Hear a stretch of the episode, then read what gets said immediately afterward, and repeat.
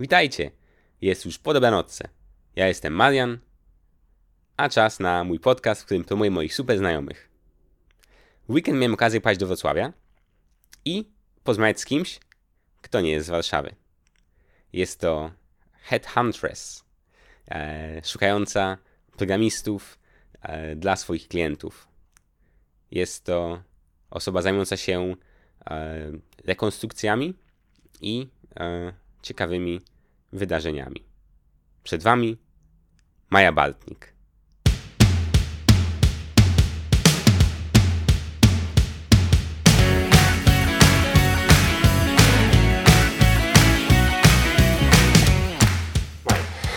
Marianie. e, za tydzień mamy święta Bożego Narodzenia. Już za tydzień? No. Strasznie czas leci. Strasznie czas leci. No, dobra. No i co z nim? E, ja, jakie masz plany na święta? Wiesz co, w tym roku po raz pierwszy w życiu organizuję sama Wigilię. E, I to dla moich teściów i dla mojej mamy. E, robię ją w Wałbrzychu, no ponieważ przeprowadziłam się do Wałbrzycha ostatnio, więc tam teraz dzieje się życie, chociaż niewiele się dzieje, nie oszukujmy się, nie jest to ogromne miasto.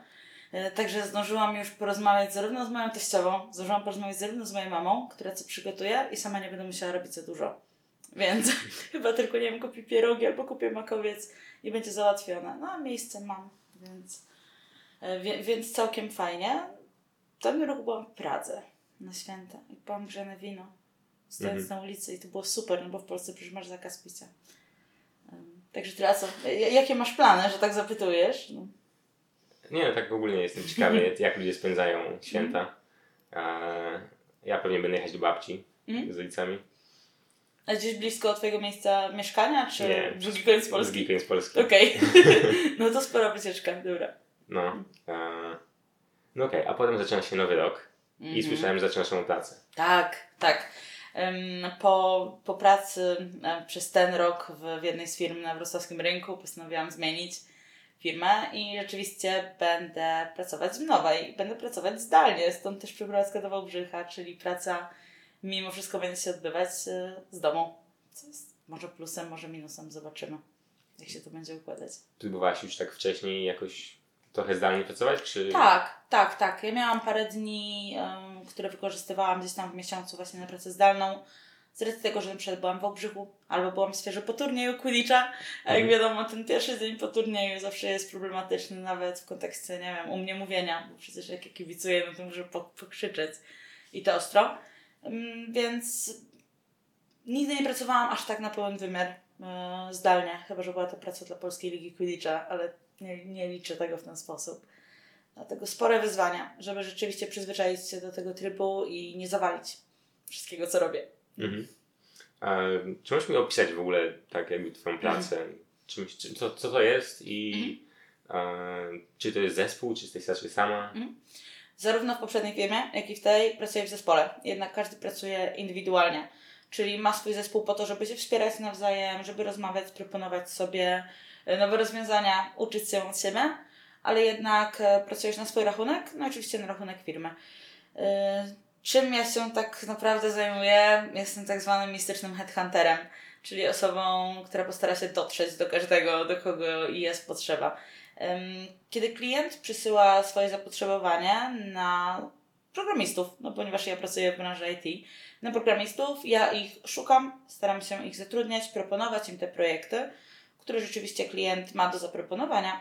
Jeżeli dany kandydat, dana osoba, niezależnie w jakiej technologii pracuje, y, jest tym zainteresowana, no to wtedy już następuje bezpośredni kontakt z klientem, jest ta rozmowa rekrutacyjna typowa, no bo wiadomo, że nikogo nie zatrudnia się na ładne oczy, jednak trzeba sprawdzić jego umiejętności. E, W momencie, w którym rzeczywiście dojdzie do tego, że zarówno mój kandydat, jak i klient jest zadowolony, no to świetnie, podpisuję umowę, wszystko za, wszystkie strony są szczęśliwe i ktoś zaczyna pracę. Czyli e, programista na przykład taki jest zatrudniany przez tą firmę, która go szuka. E, tak, tak, tak. Chociaż e, kiedy pracowałam dla mojej poprzedniej firmy, to my zatrudnialiśmy ludzi, byli naszymi pracownikami, naszymi workerami, jednak pracowali w siedzibie klienta, czyli rzeczywiście siedzieli w biurze u klienta, nie wszyscy. Część pracowała zdalnie, część od nas z biur, ale siedzieli głównie w biurze u klienta mm, i tam pracowali nad danym projektem. Jednak wszelkie kwestie HR-owe czy wynagrodzeń już były po naszej stronie w poprzedniej firmie. Mhm. W tej nowej firmie z kolei będzie to osoba zatrudniona bezpośrednio u klienta i to klient będzie się zajmował tą osobą HR-owo, administracyjnie i również w kontekście rozwoju. Ja jestem tylko kimś, kto dostarcza daną osobę. To brzmi bardzo przedmiotawiająco, więc przepraszam, ale no tak się mówi, nie? Już używamy tego korpo, korpo języka, bo dlaczego nie? I wtedy No. rozumiem, że twoja firma ma jakąś prowizję.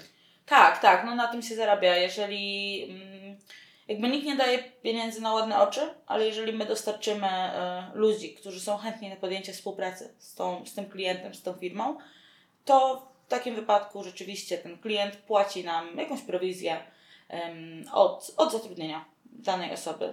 Czy orientujesz się, jaka może być motywacja dla firmy, żeby zwrócić się do właśnie headhunterów, zamiast Mhm. samemu szukać pracowników? Bo jest to trudne.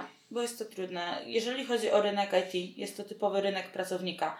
To programiści dyktują warunki, no i zarówno architekci, administratorzy, tak. E, To oni dyktują warunki i mają tak dużo propozycji, jest tak ogromne zapotrzebowanie na tych ludzi, że jest bardzo ciężko znaleźć, znaleźć osoby do pracy. Niestety tak to wygląda. Dlatego takie firmy po, pożytkują się agencjami pracy, y, pożytkują się innymi firmami dostarczającymi właśnie takie, takie usługi.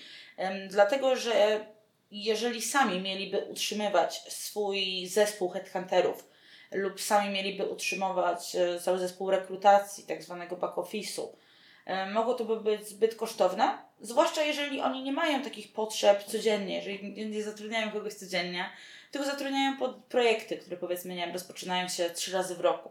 No to bez sensu trzymać rzeczywiście cały Mhm. zespół, skoro można zatrudnić agencję i jeżeli ona dostarczy ci, e, dostarczy ci te usługi, dostarczy ci ludzi, którzy chcą z tobą pracować, wypłacasz jej prowizję, więc win-win, nie? W obydwie strony to działa. To, to jest taka największa motywacja. Bo to jest trudne, no.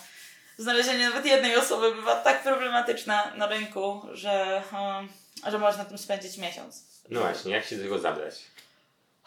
Strasznie, strasznie trudny temat. Zależy, co masz i zależy, kogo szukasz. E, Przede wszystkim LinkedIn. To jest jeden z tych portali mocno, mocno publicznych z, ze wszystkimi danymi osobowymi. Bardzo często ludzie wklejają swoje numery telefonów na LinkedIna czy swoje maile, a już jest fajnie, bo wtedy masz, masz ścieżkę kontaktu do nich. Jeżeli tego nie robią, zawsze można im wysłać wiadomości na LinkedInie. No i tutaj już zależy, jaki masz styl. Czy wysyłasz im konkretną propozycję pracy w stylu cześć, praca dla tej tej osoby, obowiązki takie, takie, takie, widełki takie, takie, takie, lokalizacja taka, taka, taka, bierzesz czy nie. E, Możesz wysyłać coś, cześć, czy jesteś zainteresowany zmianą pracy, tak? Czyli już troszeczkę delikatniej, na spokojnie. Każdy ma swój styl, każdemu sprawdza się coś innego. Tutaj nie ma dobrego i złego rozwiązania. W momencie, w którym rzeczywiście taka osoba odpisuje i jest zainteresowana, to jest bardzo prosta sytuacja, bo nie musimy tej osoby przekonywać dłużej, że to jest fajna oferta, że to jest dobra oferta i rzeczywiście może warto się nad nią zastanowić i spróbować czegoś nowego w życiu. Jednak w momencie, w którym mam na przykład numer, bo ktoś kiedyś wysłał CV 5 lat temu, bo wtedy szukał pracy, akurat jej nie dostał, bo no wiadomo, powiedzmy nie miał wystarczających kompetencji, ale dzisiaj już ma i ja potrzebuję tej osoby, no to dzwonię. Po prostu dzwonię, opowiadam jaka jest sytuacja i pada proste pytanie. Wchodzimy w to, czy w to nie wchodzimy? Jak wchodzimy, super, tak? Dalej wygrywam. Jak nie wchodzimy, no to już kwestia samych technik sprzedażowych, jak rozmawiać z człowiekiem, żeby, żeby przekonać go do swojego, do swojego pomysłu. E, No ale wiadomo, nie też oznacza nie, więc mm, nie jestem osobą, która będzie dzwonić 15 razy dziennie i namawiać, jak wiesz, jak na te pożyczki, e, tak jak banki potrafią przecież do nas wydzwaniać, żeby, żeby namówić na pożyczkę. No i tak to się dzieje, no potem wiesz, wysyłasz e, CV na przykład takiego kandydata do klienta, no i już jest w kwestii klienta, czy chce się z tą osobą spotkać. Jeżeli chce się spotkać, to kiedy? Jak wygląda dokładnie proces rekrutacji? Czy jest to jeden etap, na przykład techniczny i koniec? Czy masz rozmowę techniczną, rozmowę HR-ową, rozmowę z zespołem, dzień próbny i tak dalej? To już wszystko zależy od tego, jak sobie firma wymyśli. Mhm. I wtedy, tak jak już przekażesz a, firmie klienta, to, to twoja praca się tutaj kończy. No Wiesz co, no i tak i nie, no bo teoretycznie mogłabym tutaj zakończyć swoją, swoją pracę, W momencie, w którym firma, mój klient mi odpisuje, że tak, ten kandydat nam się podoba, chcemy go, zatrudniamy go, mój kandydat, dzwonimy do niego, żeby mu zaproponować, on mówi tak, teoretycznie mogłabym tutaj skończyć, ale ja lubię utrzymywać kontakty z ludźmi. Więc nawet zakładając, że masz jeden miesiąc wypowiedzenia i dopiero za rzeczywiste dwa miesiące zaczynasz pracę w, w innej firmie, no to fajnie jest w międzyczasie też mieć kontakt w tej sprawie, no i pytać, mhm. czy na pewno wszystko ok, czy nie zmieniłeś dalej decyzji, e, czy mogę jeszcze jakoś pomóc, lub ewentualnie, czy masz ludzi do polecenia, bo przecież masz znajomych, tak, z którymi studiowałeś, mhm. e, czy znajomych, z którymi nie wiem, miałeś, byłeś w pierwszej pracy i oni też mogą szukać. E, szukać jakiegoś innego zatrudnienia. A wtedy fajnie jest rozmawiać i polecać sobie nawzajem ludzi. No tak, jak najbardziej. No.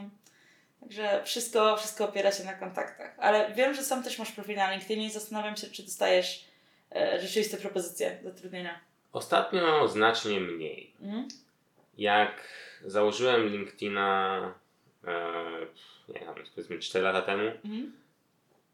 czy nawet jeszcze byłem w liceum, może jeszcze dawniej, Mhm. E, bardzo dużo się pojawiało propozycji. Ale takich rzeczywiście dopasowanych do ciebie? Nie, właśnie raczej mhm. takich, no ja miałem napisane, no powiedzmy, że miałem napisane, że jestem studentem. No. E, no ale dostawałem propozycję, tak, z informacją, że szukają osoby z świetnym doświadczeniem. Mhm. No. To się zdarza. To jest według mnie bez sensu wysyłać wiadomość do osoby, której nie szukam, bo marnuję swój czas i marnuję przecież też twój czas w tym. No ale dobra. Okay. No to rozumiem, że nie no. odpowiadałeś na takie wiadomości. No albo jakoś tam grzecznie, tak, że mhm. dziękuję i, i na razie nie. Okej, okay, okej. Okay. Wiem, że dużo programistów narzeka na ilość wiadomości na LinkedInie, więc warto się wyróżniać oczywiście z tym, jak się pisze. No przede wszystkim e, trzeba dobrze napisać imię. E, tak, tak, to jest ważne. Ostatnio nawet e, na LinkedInie był jakiś, jakaś wielka, długa dyskusja na temat tego, że rekruter pomylił imię osoby, do której pisał. Ja powiem tak, byłabym straszną hipokrytką, mówiąc, że nigdy mi się nie zdarzyło, bo mi się zdarzyło. Zwłaszcza kiedy, nie wiem, rozmawiam z kimś przez telefon, w tym samym czasie wysyłam wiadomość. E, tak, tak, zdarzyło mi się mhm. raz czy dwa. Oczywiście automatycznie się przeprasza i, no i próbuję to zrzucić po prostu na ludzki błąd. No ale warto zwracać na to uwagę, no bo jednak IT wewnętrznie bywa ciężkie, właśnie ze względu na to, jak dużo ludzi jest potrzebnych i programiści bywają już traktowani bardzo przedmiotowo przez niektórych rekruterów, co nie jest fajne, bo wszyscy jesteśmy ludźmi. E, jeżeli ja mam fajne propozycje pracy, a ty szukasz fajnej propozycji pracy, to się dogadajmy, nie wchodźmy sobie na głowę i nie bądźmy dla siebie e, nie mili. Tylko dopasowujmy swoje wiadomości. Jeżeli szukam Java dewelopera, to nie piszę do dotneta, tak? To jest proste. No. Także no. Mm, I no właśnie, czy dużo masz tak równolegle e, szukania różnych mm, programistów na różnych stanowiskach, czy raczej masz mhm. jakąś konkretną pozycję i w tym okresie czasu szukasz tylko na nią? Mhm. Dużo zależy od tego, jak, jak działa firma. Ja jestem w tym okresie przejściowym, wiesz, mhm. skończyłam no tak, pracę, tak. zaczynam niedługo drugą, chociaż wiem oczywiście, jak, jak to też będzie wyglądać w nowej firmie, zarówno w poprzedniej, jak i w tej. Jest tak, że wybierasz sobie tak zwany priorytet na jeden tydzień. Czyli mm, osoby, które mm, tak zwani account managerowie, czyli opiekunie klienta w danej organizacji, yy, mówią Ci, że słuchaj, mam pięć otwartych ról na Java, na .NET, nie wiem, na architekta, frontend, na administratora sieci i na powiedzmy helpdeska z trzema różnymi językami. Ale wydaje mi się, że największy potencjał zatrudnienia mamy na Java. No i tak robi kilku z nich, yy, czyli kilku opiekunów klienta. E, podsumowujesz sobie to wszystko, czyli gdzie jest najwyższy, co ma najwyższy priorytet, na czym najlepiej się teraz skupić. E, no i wtedy następuje podział, czyli załóżmy, że masz pięcioosobowy zespół i każdy sobie wybiera, co chce robić przez dany tydzień albo przez dany miesiąc. To już zależy, jak sobie organizacja to rozpisze. Miałam w mhm. międzyczasie, pracując w poprzedniej firmie, um, miałam propozycję pracy, nie przyjęłam jej ostatecznie, nie, nie było to dla mnie idealna propozycja. Um, Przede wszystkim dlatego, że nie było pracy zdalnej, a tutaj u mnie to było ważne. Miałam propozycję pracy, gdzie na przykład e, zajmujesz się tylko jednym profilem, czyli tylko jednym językiem i technologią, przez nawet pół roku. Mi proponowano akurat chyba Java, jak dobrze pamiętam, czyli zajmowałabym się tylko kontaktem z Javowcami. A to jest troszeczkę nudne, bo nie ma tych ludzi miliard we Wrocławiu, więc zaczynasz widywać już te same twarze, po prostu. Mhm. E, wszyscy się zaczynają mylić, dlatego że no, jeżeli pięć razy dziennie trafisz na dokładnie tę samą osobę i za tydzień to samo, no to już bywa, to już bywa trudno, już bywa ciężko zrobić. Dlatego ja lubię tą, tą różnorodność w tym wszystkim i że mogę się zająć wieloma językami. Również dlatego, że poznaję dużo więcej informacji na temat technologii, na temat tego, w jaki sposób tworzyć projekty w danych technologiach. Mhm.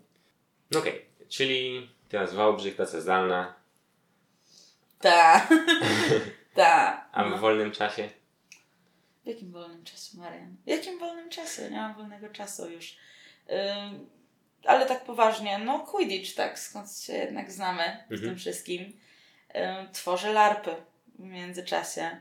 Zajmuję się rekonstrukcją historyczną i to są myślę takie trzy moje główne, główne tematy teraz, które, które będę poruszać przez następny rok. No a potem zobaczymy, co się będzie dalej działo. Na pewno będzie intensywnie, ale przez to, że pracuję zdalnie, to mam więcej czasu, bo mniej tracę na dojazdy. Mhm. Więc mogę zająć się większą ilością rzeczy. Właśnie bardzo mnie interesuje ta rekonstrukcja, bo widziałem mhm. zdjęcia na Facebooku twoje mhm. e, w różnych takich ciekawych e, strojach. No. I skąd w ogóle pomysł na, na tę rekonstrukcję? Wiesz co, ja weszłam do rekonstrukcji jakieś 6 lat temu, e, czyli nawet dłużej niż w Quidditchu jestem w rekonstrukcji. E, wzięło się tak szczerze, zupełnie szczerze, od tego, że bardzo lubiłam klimat lasu, ogniska i folkowej muzyki. Nie? Taki, no był taki boom swego czasu też na to, zwłaszcza przy serialu Wikingowie e, i całej reszcie. Mm, no i wtedy rzeczywiście zaczęłam sobie szukać miejsca, gdzie mogłabym, mogłabym się realizować w ten sposób i, i spędzać w ten sposób czas, bo przecież go lubię. E, a dodatkowo bardzo interesowały mnie zioła, kwestie gotowania po staropolsku. Także pomyślałam, rekonstrukcja historyczna to może być to. E, no i wtedy z polecenia mojego kolegi, którego znałam jeszcze z czasów gimnazjum chyba, E, dostałam kontakt do, do Bractwa Zamku Grodno. To jest, to jest całe bractwo zawadziające, jak sama nazwa wskazuje, przy Zamku Grodno. Ja obecnie w tym bractwie nie jestem, ponieważ e, nie mam na to aż tyle czasu, żebym mogła rzeczywiście poświęcić się temu. Jednak jest tam mój, e, mój chłopak, którego właśnie tak poznałam, ponieważ napisałam do niego, cześć, chcę dołączyć. Więc no cóż, na dobre wyszło tak czy siak, no więc dzięki temu, dzięki temu gdzieś tam jesteśmy teraz razem. E, a ja miałam krótką przerwę w rekonstrukcji. Tak naprawdę jeździłam tylko na jeden wyjazd w roku. Teraz staram się do tego wrócić, no bo w końcu będę, będę mieć na to więcej czasu. Mhm. I na czym polega ta rekonstrukcja? E, czy to są tylko kwestie jakichś tam bitew, e, mhm. czy też bardziej właśnie takich osad, nazwijmy to? Mhm. To się wszystko łączy ze sobą i przeplata. E, rekonstrukcja historyczna jest archeologią eksperymentalną, czyli na bazie tego wszystkiego, co już dzisiaj wiesz na temat historii, wyobrażasz sobie i, pró i próbujesz, jak wyglądało wtedy życie. Ja osobiście nie walczę, jednak bitwy i walka jest bardzo dużą częścią rekonstrukcji historycznej. I rzeczywiście mm, bardzo dużo mężczyzn przede wszystkim, kobiety też oczywiście walczą, jednak, yy, jednak no procentowo zdecydowanie mężczyźni tutaj, tutaj wygrywają. Mm, bardzo dużo mężczyzn mocno się tym pasjonuje. Jeździ na treningi, gdzie nawet nie jest ubrana w całości w strój historyczny, tylko w adidasach i w dresach, ale trenuje walkę tym mieczem, ponieważ traktuje to jako sport.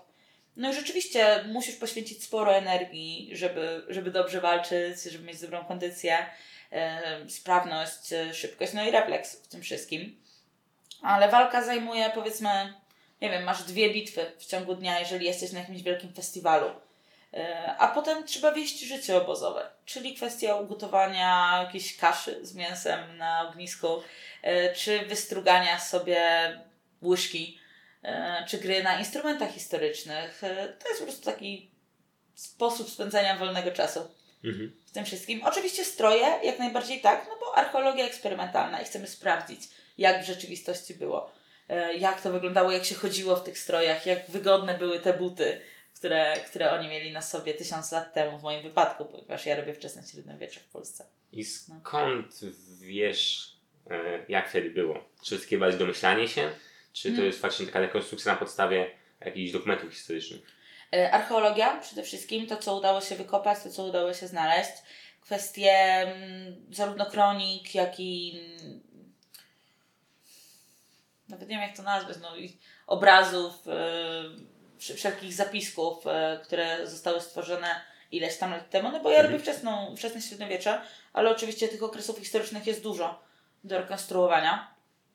Jeżeli chodzi o, O to skąd dokładnie wiemy i czy jest to domyślanie się, też jest to domyślanie się, nie wszystko było znalezione. Dużo rzeczy, dużo rzeczy trzeba się domyślić. Jednak staramy się przede wszystkim bazować na faktach historycznych, na tym, co mamy opisane w książkach, na tym, co rzeczywiście było zbadane, znalezione e, przez profesorów na uniwersytetach czy przez archeologów, no bo ja nie jestem archeologiem, nie zajmuję się tym, ale dużo archeologów działa w rekonstrukcji. Pasja do historii, no to Mhm. czego się innego spodziewać. Okej. No brzmi to bardzo e, interesująco, czyli też jest taki aspekt trochę mm, researchu, nazwijmy to. Mhm. Trochę tak, trochę tak. Przy czym dzisiaj jest łatwiej, bo masz bardzo dużo informacji dostępnych w internecie. Rekonstrukcja historyczna zaczynała się w Polsce, nie wiem, 40 lat temu. Wyglądało to zupełnie inaczej. Tak naprawdę ludzie biegali, nie wiem, w kalesonach i, i w jakichś sztucznych materiałach, bo nie było wiadomo, po prostu, nie? Wzorowali się na filmie Krzyżacy Mhm. i na tym, co się wymyśliło. Teraz masz tych informacji znacznie więcej. Research jest prosty. Tak naprawdę wpisujesz nawet na Pinterestie, yy, nie wiem, XIII wiek, strój kobieta i masz pełno przykładów, na których możesz bazować. 40 lat temu no, to były dwie książki w bibliotece i trzeba je było dorwać. No, pytasz o to, bo nie wiem, widziałeś coś podobnego lub miałeś, miałeś z tym większą styczność, czy tylko mój Facebook cię to... E, wiesz co, ogólnie jeśli chodzi o rekonstrukcję, to powiedzmy, że dwa, trzy razy w życiu na jakichś takich festiwalach właśnie e, bardziej poza miastem e, zdarzyło mi się pojawić ze względów bardziej przypa- przypadkowych. Mhm. E, I, I w sumie jestem ciekawy, jak to też wyglądało od tej strony organizacyjnej tam Mhm. Tych ludzi. No. W Warszawie macie nawet gród wczesno-średniowieczny. Nie pamiętam jaki jest tam dokładnie adres, ale jest cały gród. Także Mariany, jedź i zwiedzaj. No co ci powiem, jedź i zwiedzaj. Em, ja ze swojej strony, jeżeli chodzi o takie festiwale, na pewno mogę Ci polecić Woli. To jest zawsze pierwszy weekend sierpnia. To jest ogromny festiwal Słowianie Wikingów, czyli wczesne średniowiecze. Powiedzmy od VIII do XI wieku, taki przekrój. Tam się zjeżdża kilku, kilku tysięcy rekonstruktorów tak naprawdę. Turystów jest oczywiście jeszcze więcej. Są ogromne bitwy, które dzieją się na środku wielkiego placu, e, które można sobie pooglądać, zobaczyć jak to wyglądało. Zwłaszcza, że to nie jest udawane, tak? To nie jest Mhm. wielka inscenizacja. Nigdy nie wiesz kto wygra. Ci ludzie naprawdę się naparzają tam. Tylko oczywiście nie mają ostrej broni. Każdy miecz musi być odpowiednio stępiony. Zachowanie e, zasad bezpieczeństwa jest najważniejsze. Nikt nie chce nikomu zrobić krzywdy. Coś mi się kojarzy, że kiedyś była właśnie, był, był problem, że ktoś e, jak nabijał muszkiet, to nie wyjął e, tego patyka, którym się to nabija. Mhm. I jak wtedy strzelił, to tym patykiem kogoś O, ma- zabił. No. No to, to, to nie u mnie. to nie u mnie, ale no zdarza się. Trzeba bardzo uważać. Też byłam świadkiem odciętych palców, zdjętych skalpów, czyli tego. Także na to no wiem, że przerażające, no ale zdarza się. E, mojemu koledze ktoś, e, na, znaczy no przypadkiem mówię, tak ktoś jakby to brzmiało jako oskarżenie, ale przypadkiem dostał w oko włócznią. Mhm. Więc y, no, było zagrożenie utraty oka, na szczęście się udało. Widziałam dłonie przebite przez włócznie. Pomimo tego, że one są stępione, mają na końcu taką kuleczkę, no to kiedy użyjesz bardzo dużo siły w ferworze walki, zdarza się, że coś się stanie. Dlatego zawsze musi być karetka, musi być opieka medyczna, bo podobnie jak Quidditch, jest to bardzo kontaktowy sport, Mhm. y, tylko że używasz do tego nie mioteł, a mieczy. I, I bijesz się nimi, a nie tylko na nich latasz. Więc... Okej, no właśnie. I poza tymi bitwami, Mhm. e, tak jak powiedziałaś, że, że ty masz bardziej takie to życie mm, Obozowe. obozowe. Mhm. Czyli to się przykłada bardziej na po prostu takie wczucie się, jakby żyli ludzie w tamtych czasach. Dokładnie tak. Dokładnie tak. Oczywiście wiesz, ja mam w kaletce, kaletka to jest taka skórzana torba do paska. E, W kaletce mam telefon i czasem go łączę i spojrzę. Prawda jest taka, że dzisiaj, kiedy już jeżdżę na długie festiwale, ja sobie siedzę, piję piwo, rozmawiam ze znajomymi y, na różne tematy, również też współczesne. Wiesz, nie, nie udajemy, że jesteśmy tysiąc lat temu i rozmawiamy o królach polskich. Po prostu gadamy, bo jest to forma spędzenia wolnego czasu, nie jest to gra. Yy, Jednak na przykład ostatnio yy, na Zamku Grodno, właśnie w Zagórzu Śląskim, yy, mój znajomy ważył piwo metodą średniowieczną. To też było ciekawe. No bo w międzyczasie miał na sobie okulary, miał elektroniczny termometr, okej, spoko, ale jednak wszystko, wiesz, gotowało się na ogniu, w tym wielkim garze, yy, mieszane drewnianą łyżką. Także to są te elementy spędzania, spędzania wolnego czasu w, no, w ciekawy sposób. trochę Mhm. inny niż normalnie. No tak, no dużo można się takich dowiedzieć rzeczy, no, które wychodzą po, po, jak, poniekąd z użycia, nie? Mhm. Bo przede wszystkim nowe technologie też powodują, że ludzie nie są w stanie zrobić wiele rzeczy samemu. Mhm. Tak, oczywiście. Oczywiście, że tak. No tutaj musisz się nauczyć lekko survivalu, ponieważ prawda jest taka, przynajmniej ja dzięki rekonstrukcji, ja przeżyję, jak mam nóż, to ja przeżyję. To jest okej, bo nożem można drewno postrugać, ognisko rozpalić, jeszcze, znaczy zapałki się przydają, tak, ale no jak No. masz powiedzmy co, coś innego, nawet z czym się da gdzieś tam ten ogień roz, rozniecić, albo możesz sobie wziąć patyczek i przenieść ogień z jednego ogniska do drugiego, to, to da, się, da się przeżyć. A zdarza, zdarzało Wam się polować? Mocne słowa. ja nie poluję. y, Nie znam nikogo blisko, kto by polował, y, a zwłaszcza metodami historycznymi. Mhm. Y, Jednak jest dużo łuczników, jest dużo, dużo ludzi, którzy strzelają z łuku i myślę, że są w stanie polować, byliby w stanie to zrobić. Jednak, no nie wiem, to towarzystwo, w którym ja się obracam, nie poluje dla przyjemności. Mhm. Tak, tak naprawdę. Jeżeli by było to, rzeczywiście miało to by być polowanie, to byłoby to polowanie z potrzeby. No tak, Bo- tak, jak najbardziej. Potrzeba, bo, bo taki jest mus. E, dlatego, no, ja nie wiem, nigdy nie, byłam, nigdy nie byłam świadkiem tego. Na pewno ktoś to robi. Na pewno ktoś w Polsce to robi, ale, Mhm. ale ja nie znam takich ludzi. Nie obracam się w takim towarzystwie dziwnym. No. E, ale, no cóż, Marian, masz gród w Warszawie, także ja, ja polecam. Polecam podejść, zobaczyć, zwłaszcza, że nie trzeba się w to angażować na, na pełen czas. Oczywiście są bractwa i drużyny, które wymagają Twojej obecności. E, mają nawet pewną hierarchię ustawioną, no bo również tysiąc lat temu była hierarchia, Mhm. e, więc ta hierarchia też pojawia się u nich. E, jednak wiem, że dla wielu osób jest to po prostu forma spędzenia kilku weekendów w roku, jeżeli się te weekendy oczywiście ma. Także. E, możesz pojechać zobaczyć. Na pewno na Wolin wpadnij. Pierwszy weekend sierpnia. Naprawdę jest co oglądać. Jest ogromny skansen, wiesz, te wszystkie drewniane chaty. My tam mamy chatę y, z, z moim chłopakiem, właściwie on ze swoją drużyną, ale ja się tam wprosiłam, że mnie Mhm. nie wyrzucą chyba. Mamy tam chatę i rzeczywiście, no śpisz w tej chacie przez dwa tygodnie bez prądu.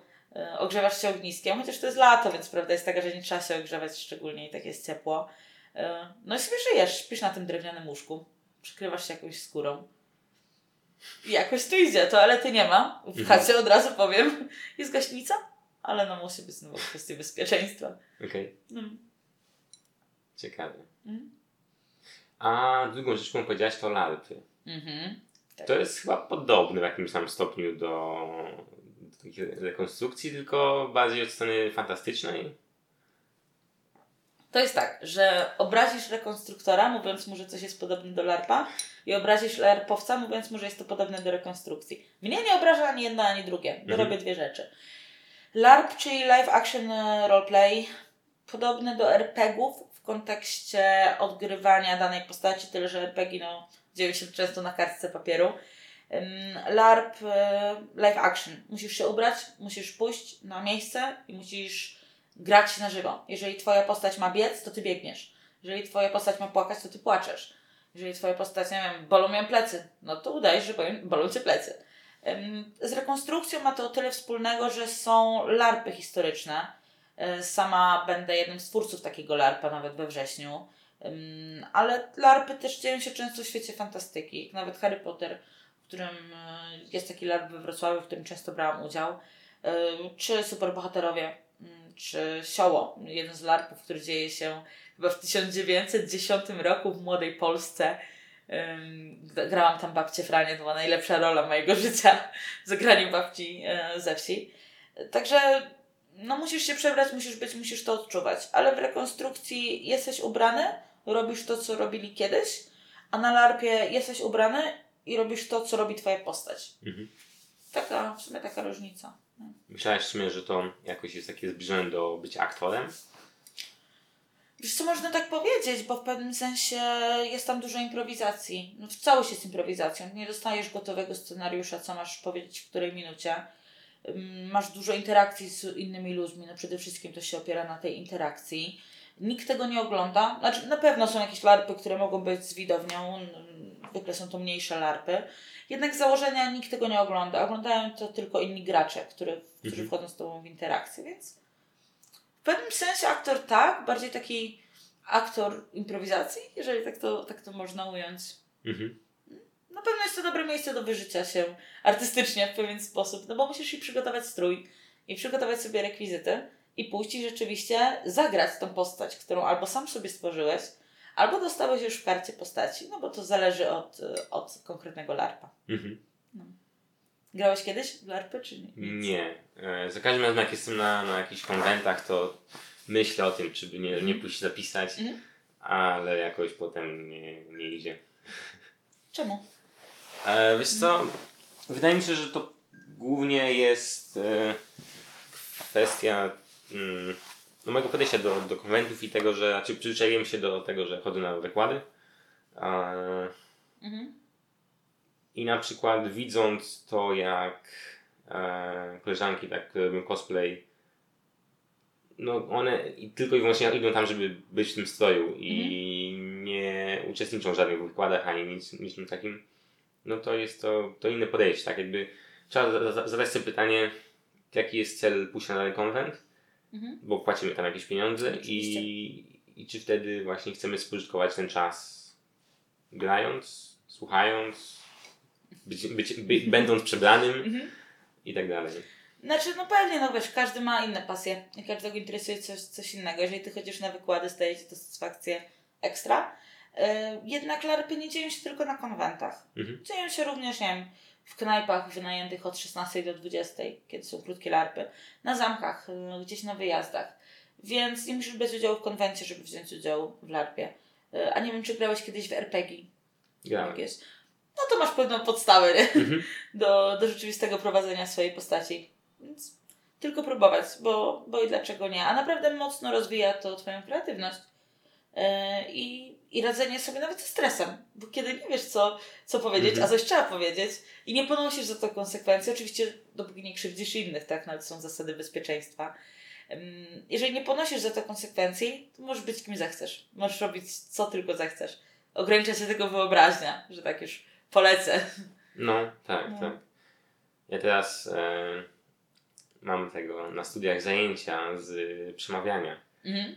E, I no, mimo wszystko mam wrażenie, że taka improwizacja, kiedy ktoś cię ocenia, szczególnie na zajęciach, to jest strasznie stresująca. Mhm. Ale w momencie, kiedy nie ma tego elementu oceniającego, to jednak jest to świetna zabawa. Tak, bo inni też muszą improwizować, No. grając z tobą. Więc każdy jest dokładnie w tym samym bagnie, nie? Wszyscy robią to samo. Także spróbuj, pewnie. Zawsze, zawsze jest to no, nowa zabawa. A Mhm. to, czy ci się to spodoba, czy ci się to nie spodoba, to już sam ocenisz. Tak. No. Właśnie, kurczę, chciałbym zrobić sobie jakąś taką listę fajnych rzeczy, które można robić Mhm. i po prostu powiedzmy raz w miesiącu robić jedną rzecz, rzecz z tej listy, nie? No to co cię powstrzymuje? Takie, takie bucket list do zrobienia przed 30. No, Może. powstrzymuje nie zrobienie, zrobienie tej listy. Okej. No to patrz, już masz jedną propozycję, LARP, masz drugą. Pojechać na porządny festiwal e, rekonstrukcji, czy nawet zająć i spróbować, e, Mhm. spróbować gdzieś tam powalczyć. To już masz dwie rzeczy ode mnie. Możesz spokojnie zebrać resztę rzeczy od, od innych znajomych, nie? No na pewno chcę iść na te e, takie trampoliny, Mhm. bo jeszcze nie miałem, nie miałem okazji. No co ty? Znaczy, miałem okazję, ale nie poszedłem. Dlaczego nie poszedłeś? E, miałem zajęcia wtedy. O, no i te studia po prostu życie zmarnują, nie? E, wiesz co, no trampoliny, nie wiem, ja bym pewnie skręciła kostkę na trampolinach, więc nie chodzę w takie miejsca. Em, ale myślę, że nawet drużynowo możecie iść. Wiem, że Wanderers i Wrocław Wanderers byli em, na, na integracji po, po, po turnieju Quidditcha na takich trampolinach, więc, więc czemu nie? No to super, już masz trzy rzeczy na liście. Dobij tak do pięćdziesiątki i, i lecisz i nie ma problemu. Pytanie tylko, czy znajdziesz na to wszystko czas. No raz w miesiącu myślę, że czas się znajdzie. Tylko czas i środki jeszcze trzeba mieć. No. No śro- środki, no właśnie, to jest to, ja e, jestem w bardzo komfortowej teraz sytuacji, bo dzięki temu, że pojechałem na ten staż do Irlandii na wakacje, to mam jakiś taki zapas, który pozwala mi chociażby to, że kupuję sobie nowy komputer. nie? Super, świetnie, no. I właśnie teraz e, muszę dzisiaj pamiętać, żeby złożyć tego wniosek jeszcze, bo jest deadline do dzisiaj. Mhm. E, jest coś takiego jak jeśli dobrze powiem, MEUS. Mhm. E, to, to jest symulacja pracy, działania e, Europarlamentu, Mhm.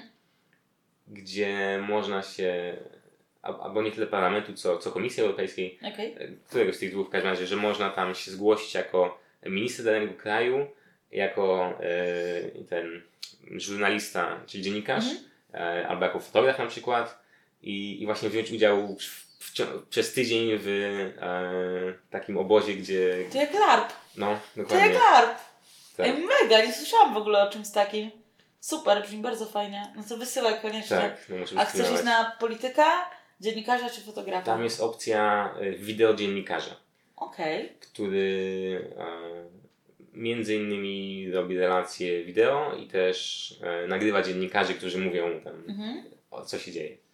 Okej, ale mm, uważasz, że to będzie dla Ciebie ciekawe? Bo chyba nie będziesz miał aż tak dużego wpływu wtedy. No na- nie, nie. Mi, grę. Tutaj ja właśnie bardziej chcę po prostu zobaczyć to, jak, jak inni, jak to wygląda, to jest Mhm. raz. Dwa, jak, ja nie, nie, nie jestem jakoś bardzo chętny do, do dyskutowania na, na tematy metodyczne, szczególnie jeśli Mhm. się tak głęboko nimi nie interesuję być może. A, na ile powinienem, jeśli, jeśli był, brałbym udział w takiej dyskusji Mhm. faktycznie. Rozumiem. E, no i też chciałbym użyć moich umiejętności, tak, tutaj związanych z wideo. Brzmi świetnie. I No. zdecydowanie wydaje się to fajną rzeczą. Tylko pytanie, czy to jest tylko polskie, czy ogólno To jest ogólność euro, europejskie, europejskie tak. Okej. Więc to jest tak, że się składa CV, Mhm. list motywacyjny. A, okej. No. A masz przygotowany już list motywacyjny? No nie no, generalnie rzecz biorąc, to jest- dowiedziałem się o tym wczoraj e, wychodząc z domu na pociąg do Okej. Wrocławia. Okej. No to chwilę, to, to mało czasu, fakt. tak, No ale dzisiaj będziesz wracał e, do Warszawy, więc masz czas na przygotowanie no. wszystkiego. Super. Wiesz, jak potrzebujesz pomocy z CV, to daj znać. nie? Trochę ich, trochę ich przeglądam, trochę, ich, ro- trochę je rozumiem. No ale wiadomo, że to nie CV do pracy, tylko CV już pod kątem Tak. bycia rzeczywiście tym wi- wideodziennikarzem. Więc tam wrzucę coś z, mojej dotychczasowej pracy, tak na pewno podcast, Mhm. e, na pewno e, jakiś vlog taki ciekawszy. Możesz rzucić nagrania Polskiej Ligi Quidditcha jako element. Chociaż to nie jest mocno przekonywujące. Jednak Znaczy, to, to, to, nie, to nie jest jakby moja, moja praca, tak, indywidualna. Nie no, no indywidualna nie, ale Mhm. dalej jest to twoja praca. No tak, Więc- tak. Więc, nie ma co się ograniczać. No, ale myślę, że jeden z swoich wideoblogów, dlaczego nie? Ja uwielbiam te z syrenkami, te z, z wyjazdu na turnieje, jak jesteś, zaczynasz taki wesoły, uśmiechnięty, a potem zaczynają się mecze i Marian już chodzi zmęczony, już, już dość, nie? No, No każdy tak ma, nie? Wiadomo, że jest to tak. męcząca sytuacja, jak musisz na przykład cztery mecze zagrać gdzieś No podczas właśnie, w sumie-. Nie, nie, nie, nie, nie nagrywałem vloga z Winter Games. Mhm. Miałeś inne rzeczy na głowie. No, No, niestety, jak się, jak się jest legendą polskiego Quidditcha, to trzeba, no trzeba się starać. Trzeba się starać, nie zawsze jest czas na, na wideobloga, ale możesz nagrać e, z następnego naszego spotkania, z Mhm. następnego turnieju. Jakoś to ładnie przemycić. Zobaczymy. zobaczymy. No. Zobaczymy. To będzie No. pewnie wtedy taka bardziej, mniej syrenkowa, a bardziej tego e, vlog od strony tego, jak, jak organizacyjnie prowadzimy. To będzie turniej. najnudniejszy vlog świata. Żadnych emocji, tylko papiery, tylko papiery, tylko opłaty, tylko faktury, nie? I wszystko. No, No ale nie no, w organizacji, w organizacji takich turniejów bywa dużo, dużo niespodziewanych rzeczy, bardzo ciekawych. Gorzej, kiedy są stresujące, bo coś się wysypuje w ostatniej chwili. A przecież mieliśmy takie turnieje, nie raz, nie No. dwa. Yy, Jeżeli zechcesz to nagrać, na pewno chętnie obejrzę i, i wyrażę swoją opinię na ten temat. Jak to no właśnie, można zrobić taki ten mockumentary. Mm. Paradokument to się po polsku nazywa. Mhm. Czekaj, czekaj, bo ja już mam wizję w głowie tego wszystkiego. Takie trudne sprawy w Quidditchu, nie? No, Tak, taki podpis. Marian, 24, legenda polskiego Quidditcha. Ma już dość. Albo zdenerwowali go drużyny, zawodnicy drużyny i... No trzeba wyciąć, żeby- nie było. Dobre, ty, w sumie takie 6 minut. Teraz chyba będziesz musiał to usunąć, żeby nikt nie, nie, nie wiedział o naszych planach. Nie, zobaczymy. żartuję. Żartuję. Może właśnie wręcz przeciwnie, to nam da większą Może. motywację. No, ludzie mogą nam napisać, czy rzeczywiście chcą coś takiego zobaczyć, czy nie chcą czegoś takiego zobaczyć. Wydaje mi się, że chcą, ja bym chciała. Mhm. I pewnie będę musiała to nakręcić, znając życie. No właśnie, No. bo teraz zaczęłaś e, w polskiej lidze Quidditcha pracować jako przewodniczący do spraw mediów, tak? Mhm, Dyrektor. Tak, dyrektor, przewodniczący, jakkolwiek by tego nie nazwać. E, tak, będę zajmować mediami, czyli wróciłam do, do znaczy w polskiej lidze Quidditcha byłam zawsze. Każdy zawodnik jest, każdy wolontariusz jest. Jednak wróciłam do zarządu polskiej, e, polskiej ligi Quidditcha na media. Chciałam spróbować, mm, ponieważ tak czy siak zajmuję się nagraniami. y, pracując jako rekruter, y, jako headhunter, też zajmuję się wiadomościami sprzedażowymi, odrobinę marketingiem. Więc wydawało mi się, że okej, to może być rola, w której się spełnia. Mhm. A jak wiemy, Quidditch nie słynie z tego, że jest więcej wolontariuszów niż zawodników. Zawsze jest problem z wolontariuszami, a ja jestem osobą, która lubi robić. Także myślę, że, że, że może coś z tego wyjdzie. No jeszcze zobaczymy. Jesteśmy w okresie przejściowym. Ja jeszcze nie zaczęłam swojej kadencji. Ty jeszcze nie skończyłeś swojej kadencji i jeszcze nie zacząłeś swojej kadencji. Ponieważ No. Marian wracasz, na, wracasz jako prezydent. Tym razem oficjalnie z powerem, nie na zastępstwo. Nie? Jak się czujesz przed wykonywaniem tej roli? Mam mieszane uczucia. To dawaj, to dawaj. Kiedy jak nie teraz, opowiadaj. No bo e, z jednej strony to akurat tuż po tych spotkaniach, spotkaniach wyborczych e, do zarządu dopadł mi trochę dołek, że, że nie mam siły ro, ro, działać. E, no ale zobaczymy, na pewno to się odmieni, bo to tak fluktuuje. Mhm. I, I coś tam będzie się działo ciekawego. Mhm. No ja przede wszystkim chcę się skupić na, na, na podniesieniu jakości administracyjno-organizacyjnej Mhm. zarządu, żeby nawet jeśli powiedzmy mnie w którymś momencie zabrakło, no to, to dalej się to toczyło dalej e, sprawnie. Tak, to jest bardzo dobry pomysł, ponieważ eh, no często jednak ten zarząd opierał się na jednej, dwóch, trzech osobach. No już na pewno nawet jeżeli zarząd był pięcioosobowy, to, to każdy miał swoją działkę i ta działka opierała się mm, tylko na tej osobie. Kiedy tej osoby brakło, były problemy. Więc pamiętam, kiedy weszliśmy pierwszy raz w 2017 roku, nie 18, bo Mhm. już ostatnio to chyba kłóciliśmy, w którym dokładnie. Nie, to, to była dyskusja chyba o coś innego. Znaczy mniej więcej tak o rok, ale, Tak. ale w inną stronę chyba. Okej, no ale coś tam No. było. No to kiedy w 2017 roku weszliśmy, to rzeczywiście zrobiliśmy niezłą zmianę w polskim Quidditchu, ale myślę, że tak dużo energii poszło na stworzenie zmiany, na stworzenie całkowicie nowego systemu, na wejście do ludzi, na zorganizowanie trzech turniejów zamiast jednego w roku, że zabrakło czasu na zajęcie się no tym, co mówisz, czyli tym ogarnięciem spraw administracyjnych yy, typowo stru- st- struktury. No zawsze jest na to moment. Wiem, że też zarząd Pelku miał lekką przerwę od wolontariuszy. Tak naprawdę tylko ty działałeś tak Mhm. bardzo aktywnie, głównie, prawda? nie. Głównie ty. Znaczy, No nie możemy powiedzieć, że nikt inny nic nie robił, ale... nie, nie, absolutnie, to też, też Mhm. nie o to chodzi, ale jednak patrząc na, na podsumowanie całego roku, no to ty byłeś zawsze. I Mhm. osoby dochodziły, odchodziły Tak. w międzyczasie. Nie? Więc samemu też na pewno było ci trudno. Teraz jest, mamy bardzo dużo osób, mamy 8 osób w zarządzie i praktycznie wszyscy są mocno doświadczeni. Nie, nie, jest, ym, jest chyba tylko jedna osoba, która ma tylko rok Mhm. doświadczenia w Quidditchu, a reszta już ma przynajmniej 2-3 lata, nie? No. Tak. No. no to super. Nie, ch- dwie osoby, które mają tylko rok doświadczenia w Quidditchu. Helena i Majer. A, racja, Tak. Helena. Helena, mimo że tylko rok doświadczenia ma, to, to już się wydaje jakby była z nami od zawsze. Mhm, tak, no są tacy ludzie, są tacy ludzie, którzy wejdą i już, i już wiadomo o co z nimi chodzi. No ale dobrze, no ja jestem podekscytowana tym, co się będzie działo. Na pewno kolejne zmiany. No tak jak wspominałam, będę mieć więcej czasu przez to, że zmieniłam pracę. Więc dlaczego nie spożytkować go na coś fajnego, czyli, Mhm. czyli na Quidditch. Zawsze ten Quidditch i Quidditch, nie? No właśnie, to jest tak, że odkrywam trochę wartość w biurokracji, tak nazwę.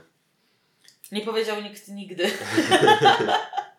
nie, ale rozumiem. No kwestia, wiesz, porządku w tych procesach, nie? Mhm. Zwłaszcza, że teraz, y, tak jak wspomniałeś wcześniej, byłeś na, na staży w Irlandii w Microsoftie, więc też poznałeś zarządzanie projektem, e, jak ważne jest dobre zarządzanie projektem, że sam fakt zrobienia czegoś nie oznacza, że wszystko się uda, trzeba jeszcze mieć ładny proces przygotowany, ładnie wszystko zapisać. No. Okej, umarła nam kamera. A, myślę, że, że możemy w takim razie. Tak, tak. Nie, nie pomachamy do kamery, ale będzie, możemy pomachać do mikrofonu. Tak. Tak. Machamy do mikrofonu. Machamy do mikrofonu. Bardzo dziękuję, Marian, za zaproszenie. Dziękuję Tobie również. Mam nadzieję, nie, nie pierwszy i nie ostatni raz, mam nadzieję. Już kiedyś przecież braliśmy udział razem w podcaście, prowadziłeś go też.